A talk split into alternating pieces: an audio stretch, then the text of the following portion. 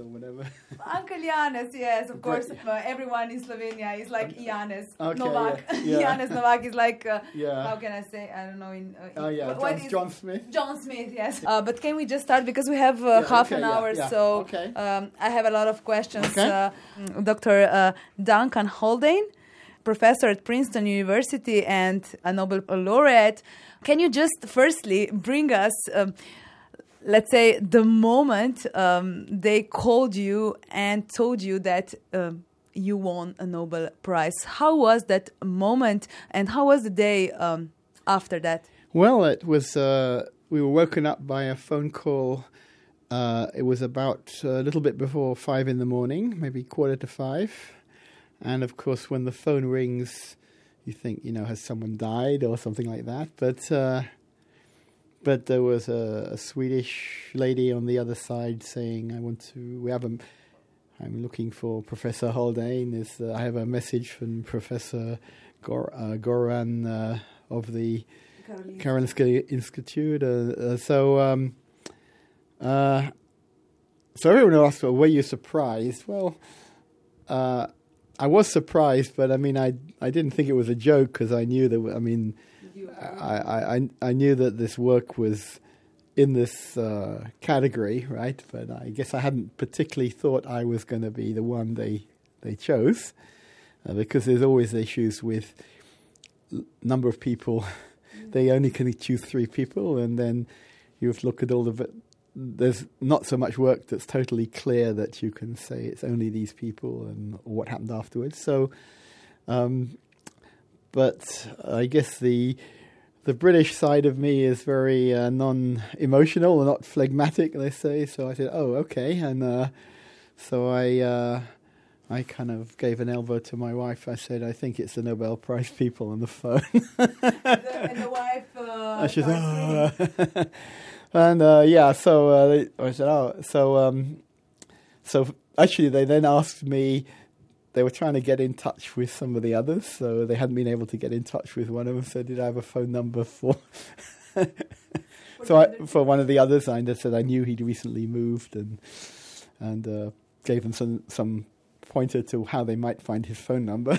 Right. and um, then uh, You went to have a lecture. yeah, I had to. So they gave me uh, half an hour or something to prepare for this public conference, and uh, so I got got ready and was able to do a Skype interview at this conference. I was the only one they managed to get hold of for the press conference, and um, And in the five in five in the morning, right? That's right. Yeah. So um, it was an interesting day, and uh, probably the best thing I did that day was um, I went to teach my class because uh, uh, so the news, some newspaper and TV showed up around six in the morning outside our house, and then the university sent their public relations people, and uh, some colleagues said, "Do you want me to?" teach your class today instead of you. But I thought it was a good idea to go and teach my class at 11 o'clock in the morning. And it was a very good public relations thing because very few people can understand anything about what I did. Yes. But then they could all say, ah, but he went and taught his class. So they had something to say. And there was a lot of comments on Facebook about, you know, how great that was. I went to teach my class. So, so it was actually the best public relation thing I did that day. Like Yeah. nothing happened that day. I know. I know that before you started uh, to um, uh, study physics, you. Uh, Try to be chemists. Um, what went wrong, or uh, as I said, thank God you changed subject. Well, at school, uh, of course, probably in high schools today, the chemistry classes are much more reduced because they've discovered everything is too dangerous to to play with. But uh, you know, chemistry is a bit like cooking; like you kind of mix things together and and you make all kinds of coloured things and explosions and things. So I I kind of like chemistry and. Uh, the, but uh, in my final year at, at, at school, there was a very good teacher who, teaching physics. Uh, maybe the previous years it hadn't been so interesting, and so I somehow switched allegiances from chemistry to physics. And uh, um, of course, you never know what you. I liked science. I knew my my my parents, especially my mother, had been very um, interested in science, and they had like Scientific American subscription and New Scientist, and they were very, very much for encouraging for science as the hope for the future and rationalism and and things. So um, yeah, the, they were very supportive, and and uh, I didn't. No one tried to push me to be a doctor. Like often parents try to. My parents were medical people, so often parents try to push their kids into into some profession that they liked or whatever. So I was, I was I, they were very good. They, they encouraged me to find out what I wanted to do. Yeah, but also physics. Uh, it's not a bad subject. Uh, it's also a great career. And, yeah. uh, but speaking of uh, your parents, um, your mother um, is uh, Slovenian, so you you are half Slovenian. Yes. Yeah, my mother was actually.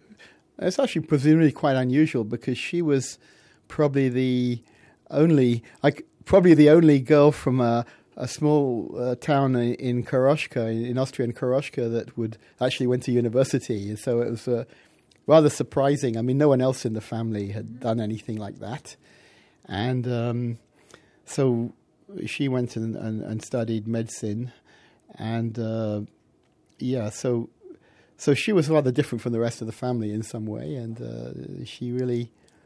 Um, she was my she was a, uh, I was very impressed by my mother really when I was a kid you know uh, but where did your uh, father and mother meet um, I know your father is from Scotland yes. Uh, mother from Slovenia so Koroshka yeah. Uh, but where did they meet? Um, I know a story that uh, your mother was in a migration camp in uh, Koroshka, or uh, is my that? Mother was in, my mother was working in a hospital in in in Koroshka, and was in contact with the, uh, the, the British. My father was in the British military hospital, and there was a um, a, a Yugoslav uh, part of this hospital, mm-hmm. and my mother was there and and met my father uh, as a colleague in in the, in this uh, hospital in, in Celovec in Klagenfurt and they fell in love. But um, your mother's family um, had some troubles with uh, Nazis, uh, and uh, your father was uh, very supportive uh, of partisans. Uh, yes, I mean this is maybe controversial, but yeah, my mother, the family had some problems. There were there was um, deportation to Camp Hesselberg in in in in Germany. Um, it was quite dramatic, I guess.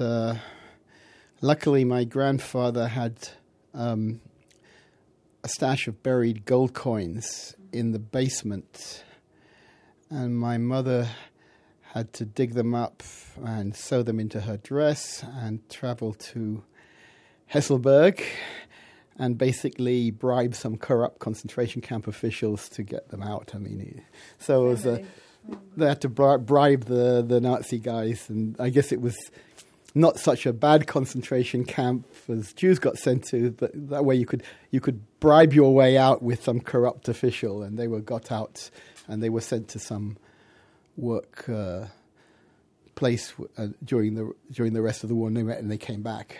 Probably all this stuff is, should be regarded as old history, and it's not profitable to to uh, you know, disclose to go into all the details of these things because in the end it's it's tremendous that in Europe now we have peace. There's a, a nice border you can cross, and uh, Slovenes and Austrians, and unfortunately the British may not want to stay. From uh, but, but uh, it's been a I think to have a, a Europe which is at peace and and um, these ethnic things kind of become less important. I think that's the, the future. We shouldn't really think too much about the past. Yeah. Well, you, you have a quite el- elaborate uh, opinion on Brexit. Well, I probably shouldn't because I don't actually live in England anymore. I live in the, I've been living in the United States for the last uh, thirty years. So it's I was very surprised when this Brexit vote happened. Maybe it was a kind of big mistake to even ask people a question like that, but there was some commitment to do it. And uh, I don't think it's the end of the world that Britain leaves, but it's very complicating. I mean, it'll be a. I guess for me, I might have to have a visa to come to Europe in future, right? but uh, I, I it, since I'm not living in, in, in Britain, it's not really my place to tell them what they should be doing. But it was a big a big surprise for me that this happened. Yeah, you left uh, Britain. You said 30 years ago. Uh, why you left for America? Was that the austerity program of Margaret Thatcher or something well, else? Partly, I was, I was actually uh, started my career in France and ended up with a French wife, and I have a bilingual family. Um, but uh, so I never really looked for a job in in Britain. In fact, a, a job looked for me. Basically, I had a job offer unexpectedly came from America and uh, California, and I flew out there and saw the Los Angeles and saw the palm trees and everything, and the sun and the beach. So I thought, okay, yeah, right. But but at the same time, uh, this was a time of the British brain drain, and I guess the brain drain has been discussed a lot here in, in Slovenia too. Um, at that time, people were very depressed, looking for jobs, and there was a period where the where the government seemed to be saying that research should be quite useful.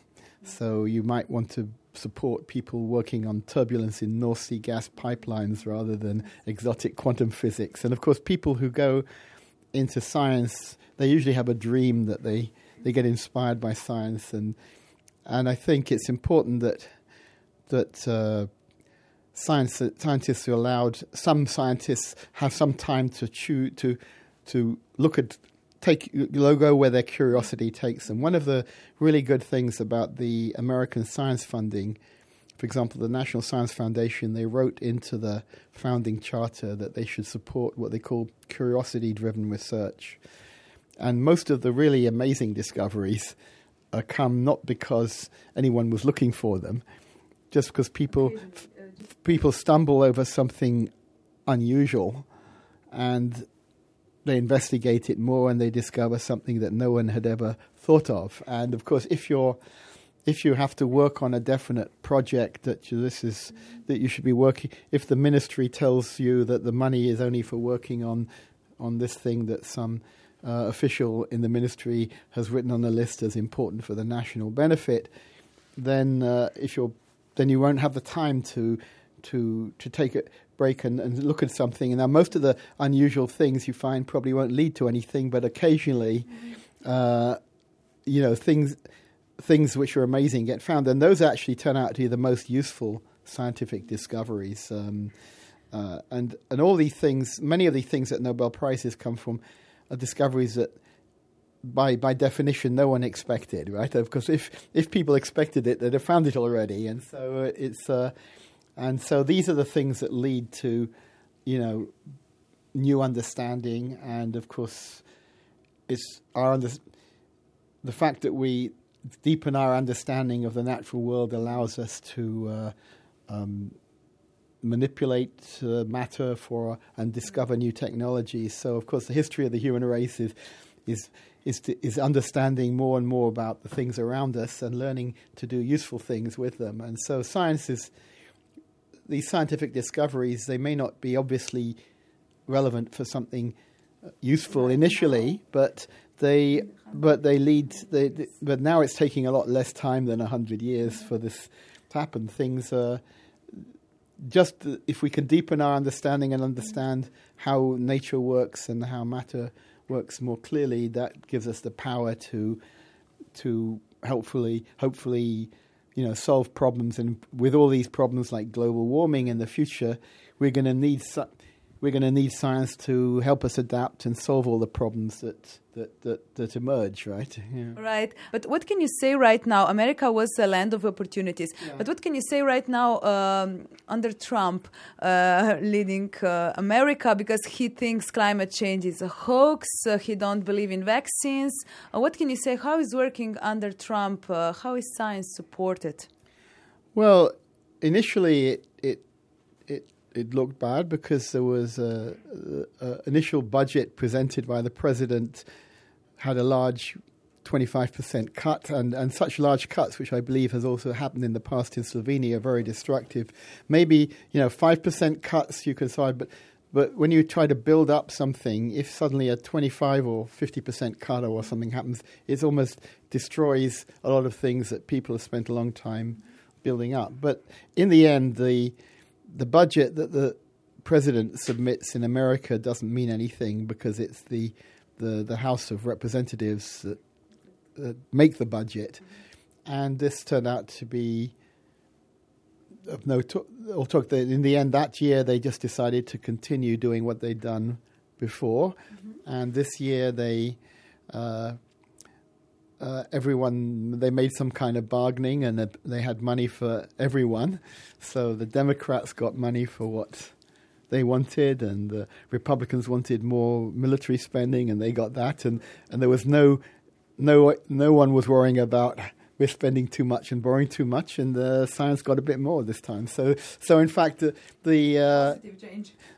Yeah, so the it looked bad initially, but actually the bad things haven't happened, and it's not clear what the actual effect of Mr. Trump's statements about climate will have because, uh, I mean, places like California have their own uh, rules, and and and uh, a lot of places want to, uh, you know, stop CO two emissions, and so the fact that obviously it's um, it's not not good that uh, that some powerful people don't believe wish to deny the fact we're.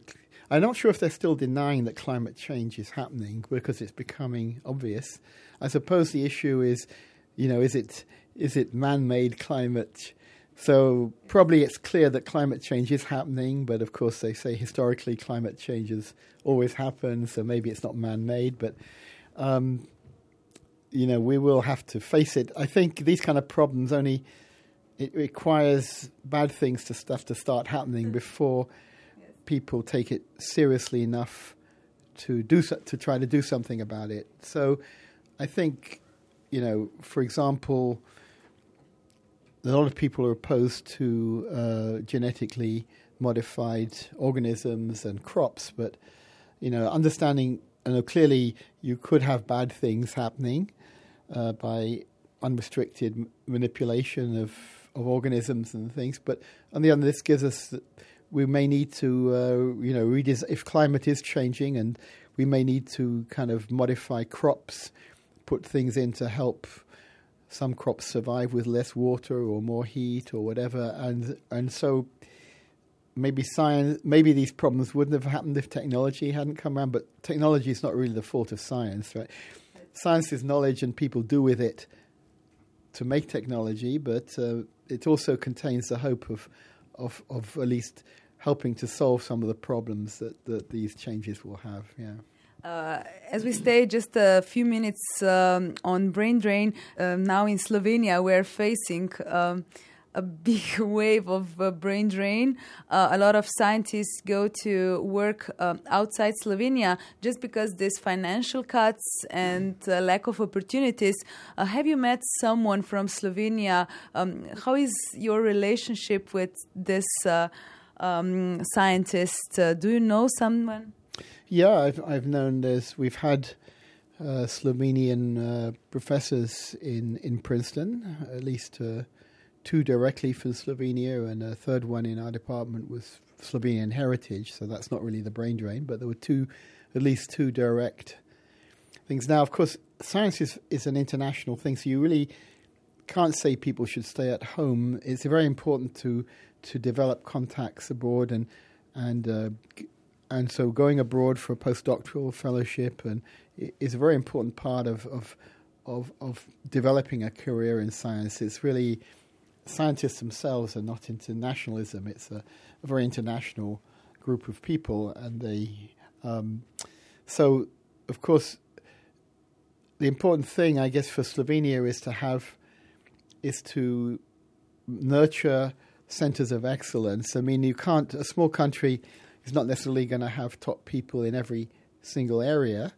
Uh, I think the important to have a scientific culture is to have uh, you need to have a few excellent people, and it really almost doesn't matter what branch of science they're doing. It's the people that matter and who bring around them some uh, excitement and for young people. And um, yeah, you need Slovenia has. I mean, people say Slovenia has got the beauty of the country, etc. I mean, you've got to.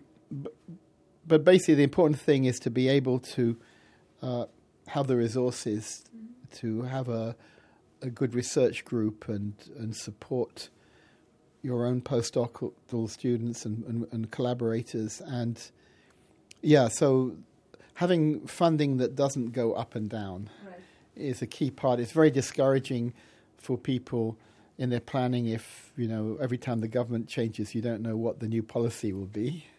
So I guess consistency in, in science funding and, and the important thing is I, I think science having a scientific uh, uh, activities going on has a lots of be- very beneficial impact on the economy. Many people come get trained in science, not and people usually go in because they have a dream, uh, but not everyone goes up into the top to become a, a university professor or whatever because there's much less university professors. And, but the people who end up doing physics or biology or whatever, they they come up with a, a skill set of, of quantitative thinking and uh, which is extremely useful in in all areas. And so when you look at you know what happened in places like Silicon Valley, how that grew up, it's because in that area there were all these graduates from Berkeley and Stanford, and there was a supply of people not necessarily wanting to go up into academia, but had this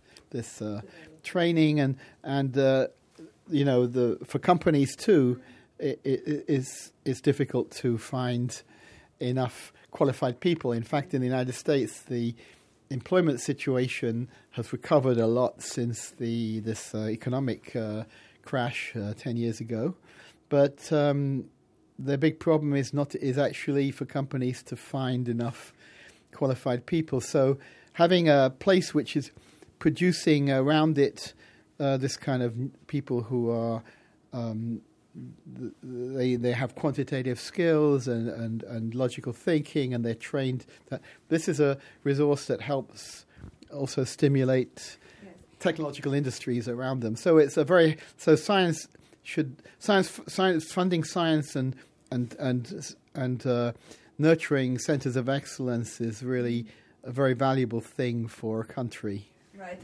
Uh, you, um, at the beginning of our conversation, uh, we talked about your um, connection with Slovenia. Um, two weeks ago, you received um, an award uh, for American Slovenian uh, Education Foundation. Uh, and um, I found that interesting that you started your speech in uh, Slovenian language. Do you know some words, or it, it was a speech that was written, or you well, just? you know, I, I know Mia Mama uh, from Koroshka, and I can do. I used to be able to speak a bit more. I have to admit, I haven't spoken it so much in the last years, but I can get by with you know polite conversation. Hvala lepa, nasvidenje, lep pozdrav, that kind of thing, right? But I, I can't, I couldn't give it. I couldn't have given my talk in Slovenian, but you know. I actually gave my gave a gave the same talk in French, but I've been bilingual in French since marrying my wife for the last uh, thirty years. But um, your mother didn't uh, teach you um, Slovenian, or you uh, didn't talk Slovenian at home? Uh, I think I maybe knew a few things. There were a few like Slovenian children book or something with pictures. But I also uh, she also I also when we went to Austria for vacation, for uh, in the end, I, I end, ended up speaking a bit more German than Slovenian because in the end, most of the people oh, are no. German speaking. Uh, so, uh, yeah, my my family my relatives, the young people, basically assimilated into Austrian society and they're married. They've intermarried, and no, there's no pure Slovenians left in the family of the young ones. They're all. They don't think of themselves as Slovenian anymore; they think of themselves as Austrian. But if you on uh, March 25th, we have a Mother's Day uh-huh. in Slovenia. Yeah. Can I ask you what what did your mother represent to you when you think about her? Well, she was a strong personality, and she was. Um, she was a very uh, committed Slovenian, I'll say, right? I mean, there's a whole lot of this old history and things, but uh, so she was, so uh, I admired her tremendously, and I basically always thought of myself as half Slovenian and half Scottish. You have um, connections with your relatives yes. here, but you said that uh, everyone is in Austria right now. The relatives here, they're more distant. They're my grandfather's brother. I think my grandfather uh, married in in Borovlje, in it's now Borovlje or Ferlach in in in Koroshka, in around 19, 1900 or so. He went down, and the there was a the he and his brother moved to this part of of Koroshka, and of course there was no frontier then. Uh, and the eldest brother, the was who I met as an Uncle Janez, very when I was very small, there was a farm in, I think it's Srednjevas, it's in between Tržič and Begunje, mm-hmm. and that branch of the Renko family stayed there with the farm, although I don't think they farm anymore. Everyone farming here, probably as in Austria, mm-hmm. is uh, a, a, kind of hobby activity. People have a real job and maybe they do some they do something on their weekends in the family farm, a little bit of something, honey or whatever, right? But uh, yeah, so the so yes, I have some. There's a Yugoslav. There were Yugoslav and now Slovenian uh, branch of the family, and um, you have great memories. Yeah. You are half Scottish, half Slovenian. Do you see some similarities or some well, differences? The, the, the, Scottish have a reputation uh, as being very careful with money, and I have to say, from my mother's account, the my her father was also uh, very careful with money. In fact, in fact, uh, the reason we, she went to school, she was sent to the uh, Ursula um, nuns' uh, school in Celovec in Klagenfurt, and uh, you had to pay for that. And her mother secretly paid it. Her her husband, her my mother's father didn't actually know that the school was costing any money, so so uh, she was a promising student and in that period, it wasn't perhaps so good for Slovenian students in the state school system. That's why the uh, the the grandmother pushed her and, and, and paid these fees, and she had to get up very early in the morning to get a train. To, it was more complicated, obviously, to go to to to, to Klagenfurt to Celovec, but um, yeah, so the grandfather never knew that the with actual money was being spent on the education. Oh, funny. Yeah, Scottish and uh, people, there are cheapskates, I see. uh, the similarity no, is no, obvious. They're, they're just careful. They're just careful not to waste it. right? But uh, let's spend just a few words also about your work. I know that you love your job um, that you work i don't know also 15 hours a day if you have to. No, i, I saw paid for doing what i love to do. So right. of course it's a that's why people love to do science. Now not everyone can manage to keep in this thing. So i'm a very privileged person and i uh, i don't view it as work. I mean i I my wife keeps saying, "Why don't I take more holidays?" But actually, I I end up going to phys- meetings, physics meetings, probably in nice places, but that's my holidays, and I uh, I'm just fascinated by what I do, and uh, most people who follow this career um, uh, have you know uh, they they love it, and it's we're kind of paid to to do something that we we we like doing. So that's most that's that's the most beautiful situation to be in, right? That, uh, right. Uh, I watched uh, a lot of your interviews, and a lot of uh, your students said that you're very approachable. That you um, help them also individually. Not only you have lectures at yeah. school, but you also sit with someone who has a problem to solve uh, with I don't know physics, yeah. and you sit with them and you find a solution with them. You are so approachable.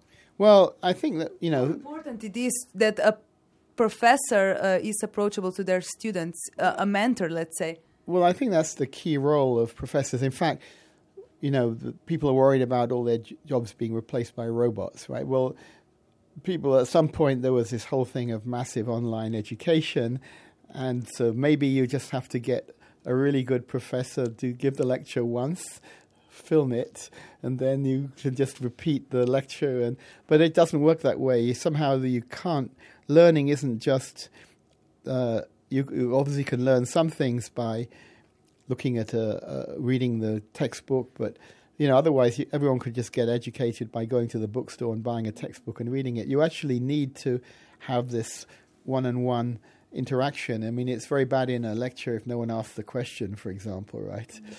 Uh, one needs to. The learning process really involves it's a it's an it's a it's between human beings. It's not between.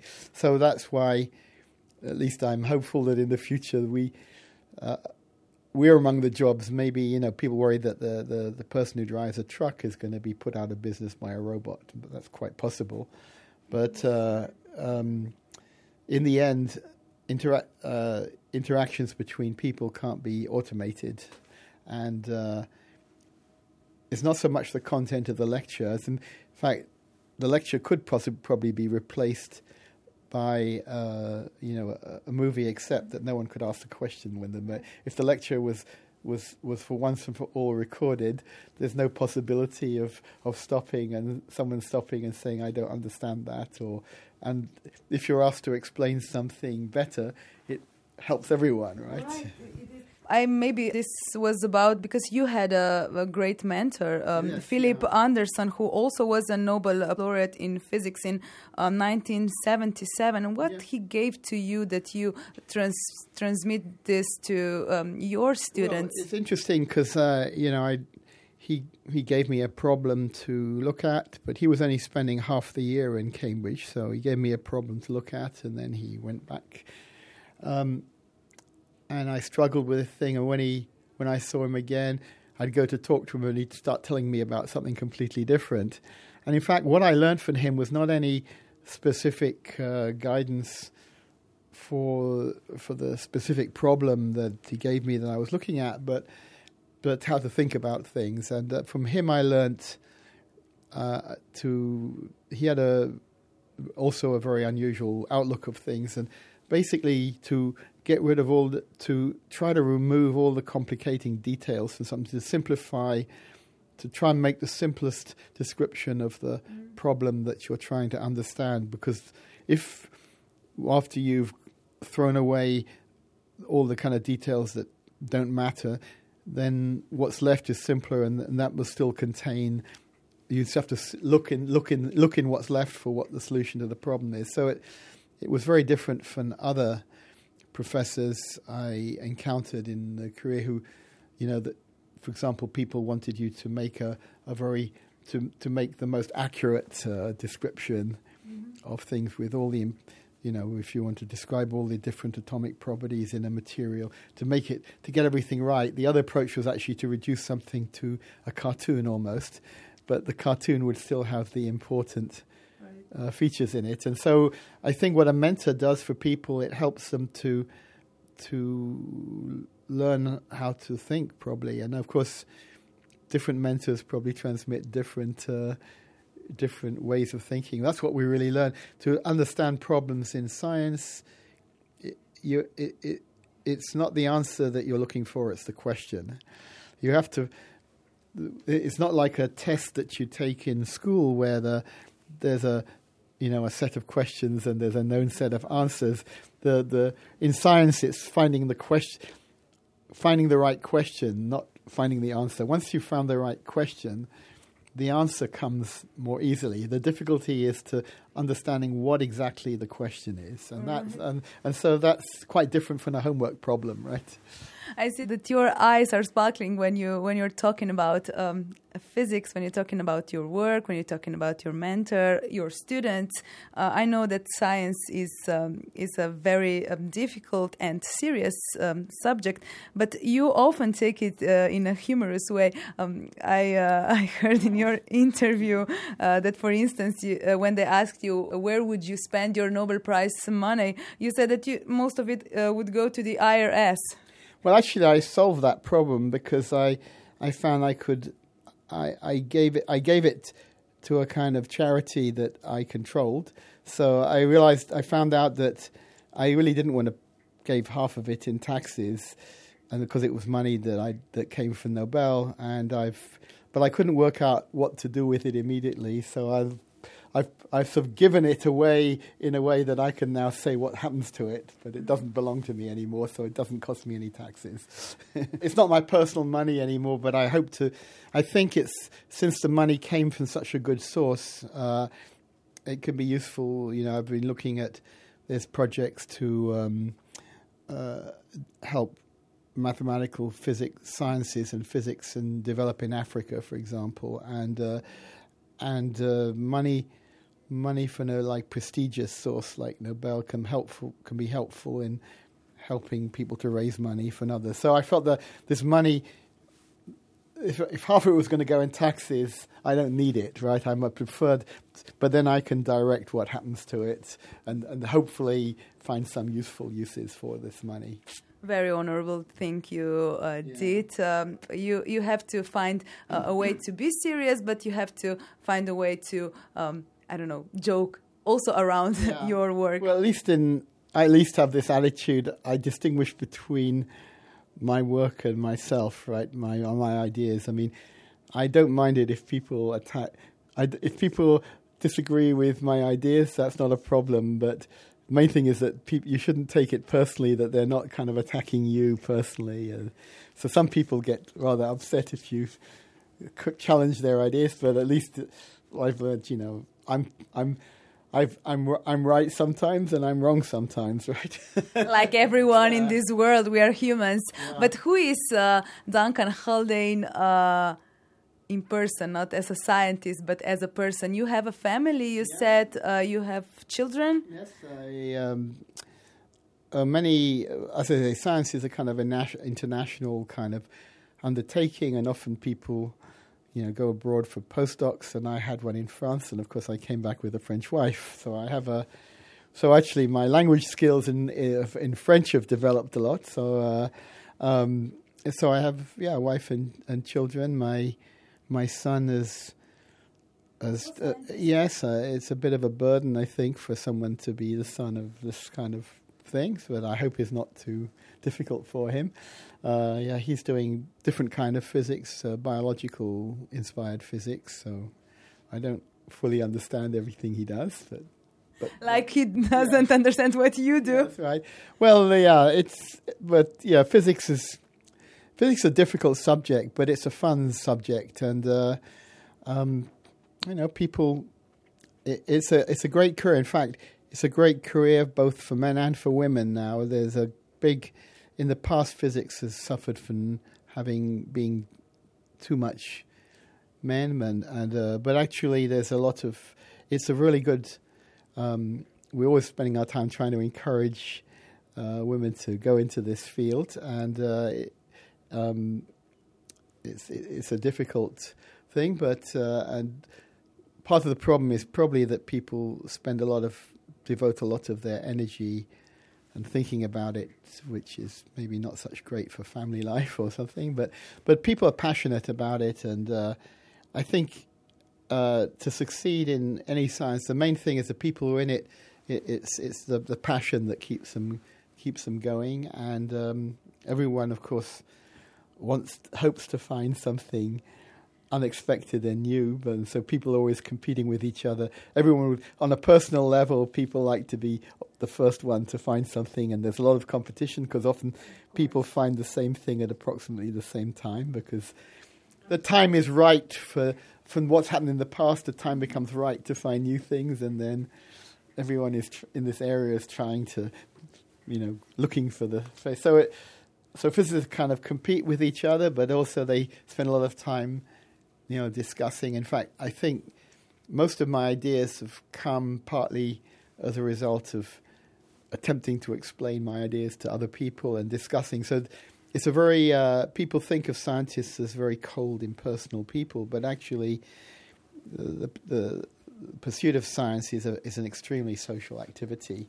uh, both involving competition and collaboration. And uh, so it's again something that you can't program a robot to do to, to do to discover new things. You can you can program a robot to carry out something you know how to do, but you but but science is a very human activity human and, activity, yeah. human interaction, a lot of passion. You said you have you have to have uh, since you work. Um, a lot of hours a day, um, like 15 hours, but you said uh, you got paid for uh, something you love. Yeah. Do you have um, time for other activities or uh, also in your free time? I know a lot of uh, writers that said, I write every hour of the day, I cannot stop writing or reading. You research also in your free time or uh, it's this separate? Well, I don't work all the time, but I, you know, I actually taking breaks.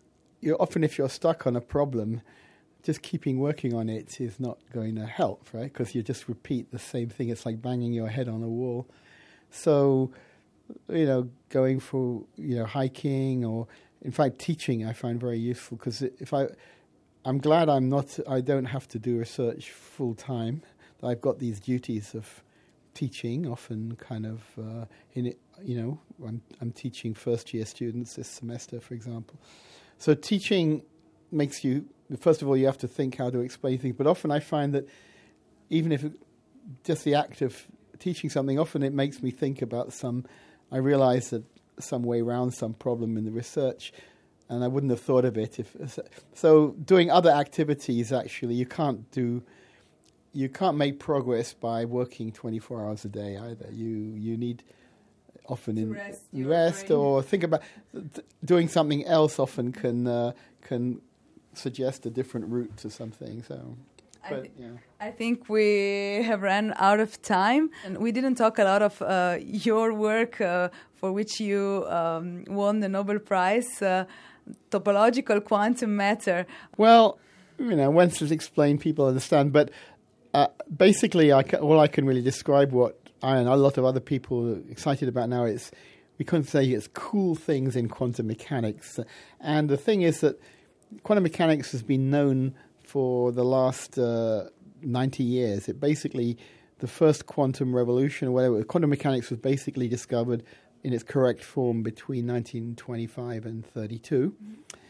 Uh, but it, it's taken a long time to know what you can do with it, and what really this recent work has involved. People discover that quantum mechanics can do a lot more stranger things than we thought possible, and people now, based on some of the stuff, people have a dream of processing information stored in quantum states, and the best thing one can say is like really cool stuff in in, in, in quantum mechanics, and it's excited lots of young people in physics have got extremely excited and inspired by some of these new discoveries. And you know, the I may have helped to open up some of this stuff, but a lot of really other people have once people have started on this road, they've discovered all kinds of other extremely fascinating new things that you can hide information in quantum states and process it. So Just to cool, it, it's cool stuff basically. I mean, really cool. but but to make it more clear to our listeners. Um, our phones, my phone, your phone, Yeah. our computers works because of quantum mechanics. Well, we work because of quantum mechanics too, in the sense chemical bonds and everything. Uh, we can't understand them without quantum mechanics. But the uh, the way the cell, the smartphones work, those of those of course do have a lot of uh, older ideas in them. The, but what we what people are really excited about is this idea of the, there's a dream of what people call a quantum computer. Um, now we don't actually know what you can do with a quantum computer. It'd be very powerful. I mean, the in principle it could break all the codes which are used to keep our tra- commercial transactions safe. So that way, that, and that so a lot of money goes into it from things like the National uh, Security Agency in America and other countries because they want to know that if people can actually build these things and crack their codes, they want to know in first. But um, it, it'll it'll open up uh, some much more powerful. It could open up more powerful uh, computing technologies, and so part of the work I've done and other people in this area have done, it looks like it, it could solve some of these problems. But so people are kind of well, there's a tremendous amount of new ideas has come from what people call quantum information theory. So people have started thinking about information and how it's related to quantum mechanics, and there's been a very fruitful development of a new way of thinking, and uh, and um, it's very difficult to explain to the general public, but all I can say is it, I mean, quantum mechanics and physics always been thought to be very dry stuff, but this is like cool stuff that young people get, ex- young young physicists at least get excited about. So let's finish this conversation with a cliche. The future in this field is bright. Yes, I think basically there's a lot of new things to be discovered, but so many people have started working on this from different viewpoints. I think this was naturally going to lead to to new discoveries. In the past, we've kind of done experiments which are almost like hitting something with a hammer and looking at the parts. Now we're kind of gently trying to poke at things instead of breaking them, try to nudge them and push them around. And this is the kind of new approach that people are hoping to get control of quantum states and process information that way. So it's a new way of of thinking and attempting to do things. And all di- all advances in science eventually lead to uh, advances for the whole population. That look, we learn how to do new things, how to, you know, cure various illnesses, how to um, make crops come better. So, so uh, similarly, you know, smartphones came out of t- one of the most surprising things underlying uh, the smartphone or the semiconductor technology is that electrical current can be carried not by an electron, a charged particle, but a hole, the place where a charged particle is not. And you couldn't, you can't even understand that without quantum mechanics. But that was discovered in the in the 40s and uh, um, 30s and 40s, and it took some time, but it underlined the discovery of the transistor, and uh, and and it took some time for that to turn into a technology. But the the more we know about the way nature works, the more we can uh, make things do what do things useful to us. Yeah. Uh, Dr. Duncan Haldane, uh, Nobel laureate and the professor uh, at Princeton University. Um, I wish you a lot of great achievements in your uh, future in physics and uh, thank you very much for this uh, conversation. Hvala lepa. Hvala lepa and.